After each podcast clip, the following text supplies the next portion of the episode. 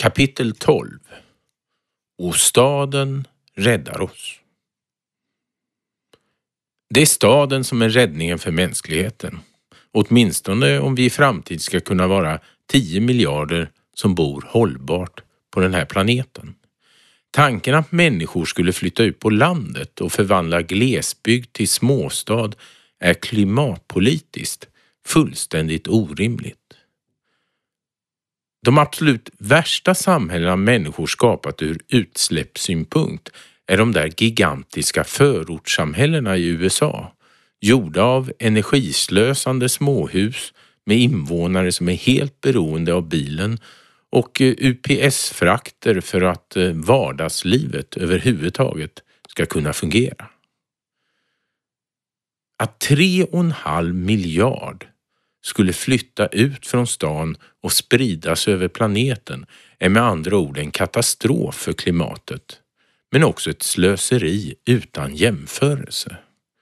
För städerna finns ju. De ska bara bli oändligt mycket smartare. Det finns en enkel anledning till att mer än hälften av alla människor bor i stora städer idag. De flesta människor gillar att bo i stora kluster. Så fort jordbruket har utvecklats efter utvandringen från Afrika började vi också bygga stora städer. Ja, ända sedan Babylons tid. Det betyder inte att människor gillar att bo dåligt, trångt, i usel ljudmiljö eller i kösamhällets långsamma vandring från jobb till arbete. Men det betyder att vi gillar att vara nära varann. Men inte för nära och inte för många. Vi bygger våra sociala småstäder inne i storstäderna. Samtidigt är närhet till allt uppenbarligen en livshöjare för de flesta, även om man inte använder det. Film, kultur, sport, skolor, mötesplatser, restauranger. Ja, herregud, vi vill även ha vild skog i städerna så vi kan vandra i stora parker som om stan inte fanns. Och allt detta på en liten yta. Och det är bra. För att klara klimatkollapsen och skapa återhämtningen som behövs så måste vi nämligen låta marken göra sitt jobb utan oss människor. Skogsodlingar och savanner och gräs och så odlingarna, allt tar plats och då får vi utgå från det. Det betyder naturligtvis inte att glesbygden ska försvinna. Välfärd och utbildning gäller för alla, men det betyder att vi måste bygga städerna och göra dem klimatrena så fort vi kan. På 70-talet så byggdes bostadsbristen bort i Sverige. Det var en statlig politik. Det fanns lägenheter till alla och den som ville flytta för att studera eller arbeta kunde göra det mellan städer utan problem. Idag måste du vara mångmiljonär för att få någonstans att bo i storstaden eftersom vi beslöt att marknaden skulle ta hand om bostadsbyggandet. Och det där var ett riktigt dumt beslut.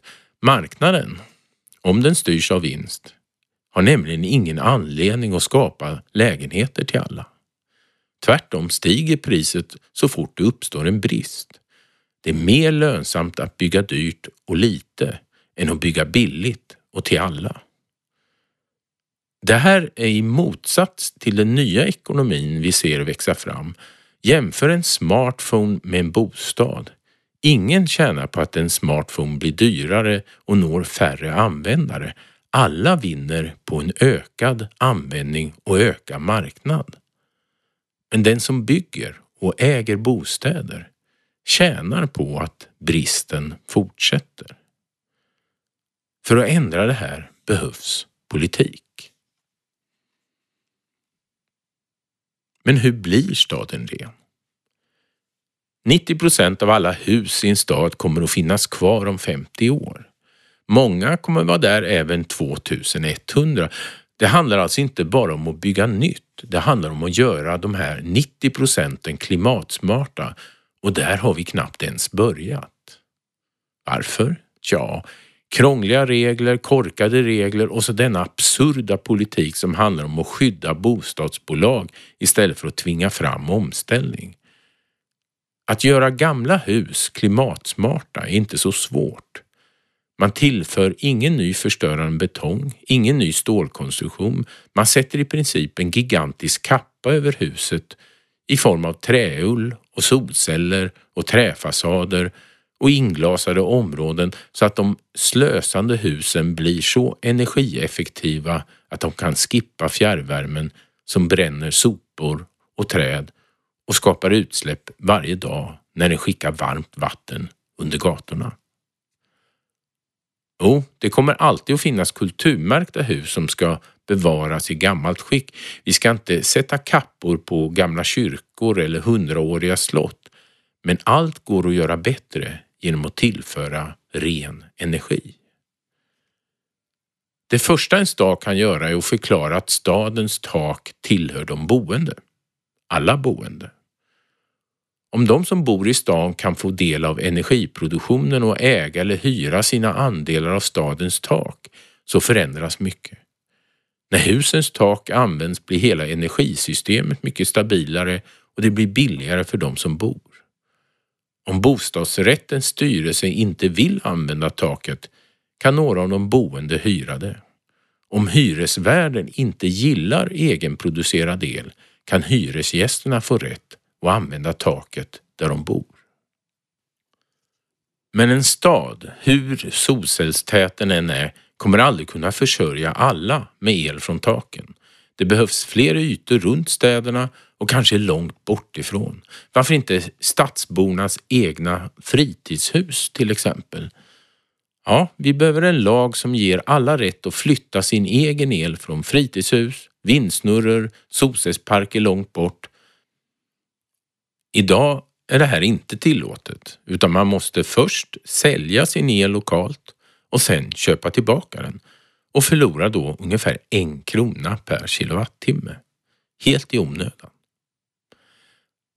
Det är inte en teknisk eller en ekonomisk fråga. Att flytta el från sommarhuset i Dalarna till lägenheten i Göteborg kostar bara ett enstaka öre. Sen kan givetvis kommunen förvandla de gigantiska köpcentrum utanför stan som snart blir övergivna till solcellstak åt alla. Med ren energi skapad i och omkring stan blir stan en lösning på klimatfrågans energidel. Däremot har staden svårt att kompensera utsläpp från skogsavverkning även om det finns snygga hus med trä på balkongerna. Jag har faktiskt besökt ett sånt i Milano och det var väldigt mycket grönt på liten yta. Men det räcker inte. Däremot kan stan mycket väl försörja medborgarna med en stor del av maten, framförallt grönsakerna. Kanske också fiskarna. I Katrineholm, mitt i Sverige, har vi byggt en ETC solpark där vi bland annat har solcellsdrivna växthus. Med energin från solcellerna kan vi odla året om, tomater på sommar och höst, grönkål på vintern och kryddor året om.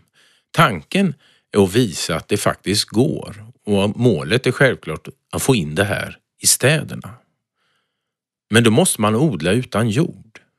Att flytta matjord in i stan blir ett gigantiskt slöseri. Vi talar inte om några kärror, vi talar om att flytta Skånes mark till städerna i så fall. Men odla utan jord går utmärkt med näringslösning. I praktiken betyder det att vi odlar i källarna. Det kallas hydroponisk odling och ekvationen blir klimatneutral eftersom transporterna försvinner och stadens energislöseri omvandlas till odling. Värmen från LED-lamporna i källarens växtodling kan man behöva till att värma husen. Hur mycket mat kan vi då odla i en stad? När jag besökte Kuba för att studera deras stadsodlingar så blev jag naturligtvis besviken.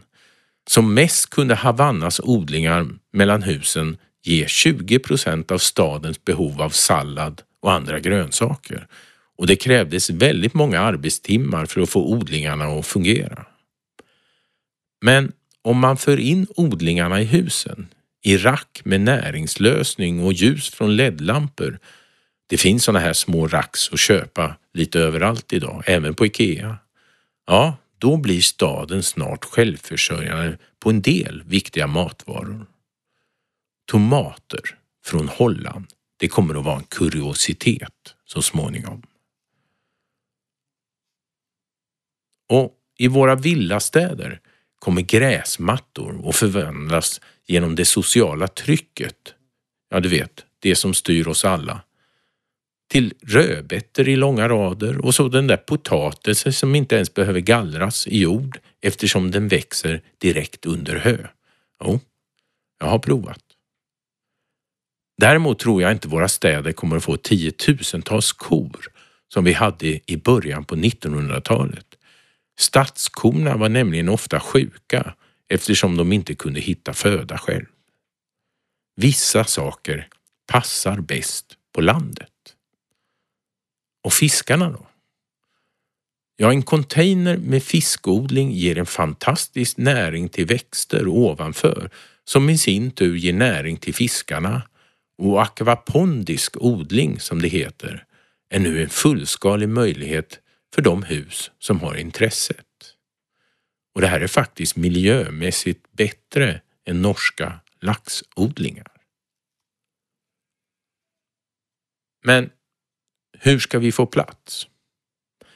Jag brukar vandra i Stockholm på nätterna. Det är ett sätt att lugna tankarna och få vara i fred och ändå vara i ett sammanhang. Om jag då börjar räkna, titta på ytan, så tar det inte lång stund för att inse att en stads yta består till hälften av vägar. En annan trafik, en ren trafik, en där bilarna blir gemensamma och gatorna utan farliga utsläpp, ger oss helt andra ytor att bo, odla och umgås i. Staden kan fördubblas utan att bli större. Idag är stan istället kidnappad av bilismen. Så omställningen till el, cykel och kollektivtrafik för alla är inte en trafikfråga.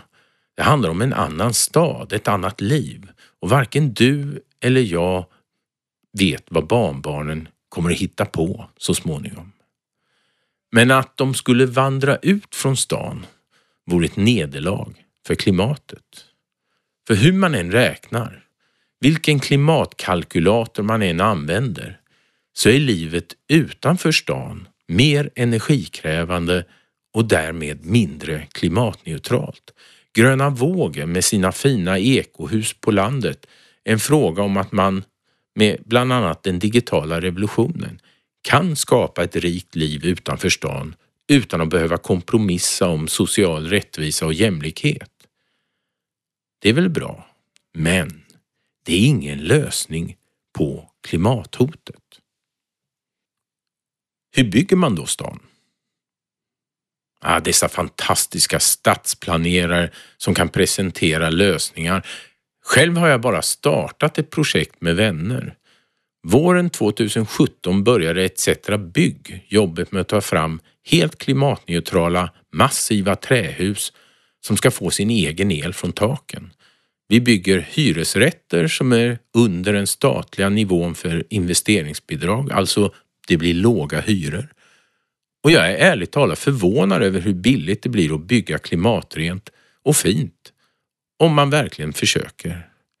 Våra hus är billigare än betonghusen bredvid. De här husen saknar fjärrvärme och bergvärme. Vi värmer med ventilationen och med egna solceller och vi odlar såklart på balkongerna som är som stora externa växthus utanpå träbyggnaden. Och vi drömmer om ett boende där en förening styr över själva förvaltningen. De här husen är crowdfundade, alltså finansierade genom att de som gillar tanken på klimatsmarta hyreshus också sparar i dem. Hösten 2018 tar vi första spadtaget för de första två husen i Västerås. Sen blir det Växjö, sen blir det Malmö och så ytterligare tolv städer om du vill och andra. Du kan läsa mer om det här på etc.se etc. bygg.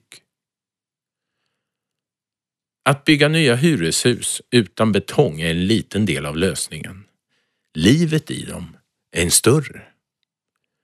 När man bygger hus så förhandlar man med kommuner om mark och om bygglov. Så vad har varit det största problemet för oss? Husen i sig, de får väldigt positivt mottagande överallt. Vi har vunnit arkitektpris och markanvisningar och så var det det där som man inte riktigt får diskutera. Ja, jag menar P-platser. Vi vill ju inte ha dem. Vi bjuder hyresgästerna på en elbilspool istället, helt eldriven, gemensam transport med fina elbilar. Och vi har lådcyklar på gården för alla som vill frakta mindre saker. Kanske tomaterna man odlar på sin balkong. Ett hus med 15 lägenheter behöver då inte massa p-platser, tänkte vi. Men sådana är inte reglerna. Så nu måste vi köpa plats i ett betongtungt parkeringshus för att uppfylla normen om att alla för alltid ska köra egen bil i stan. Hur absurt det än är så är det klimatsmartare än att bygga ett garage under husen. Och vem vet, om några år får vi kanske odla på p-platserna när elbilarna laddats klart.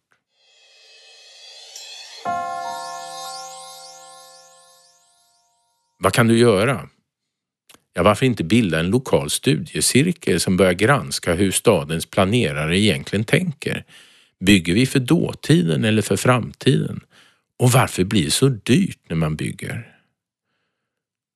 Och vem ska egentligen äga vägarna i framtiden? När vi inte längre åker på dem?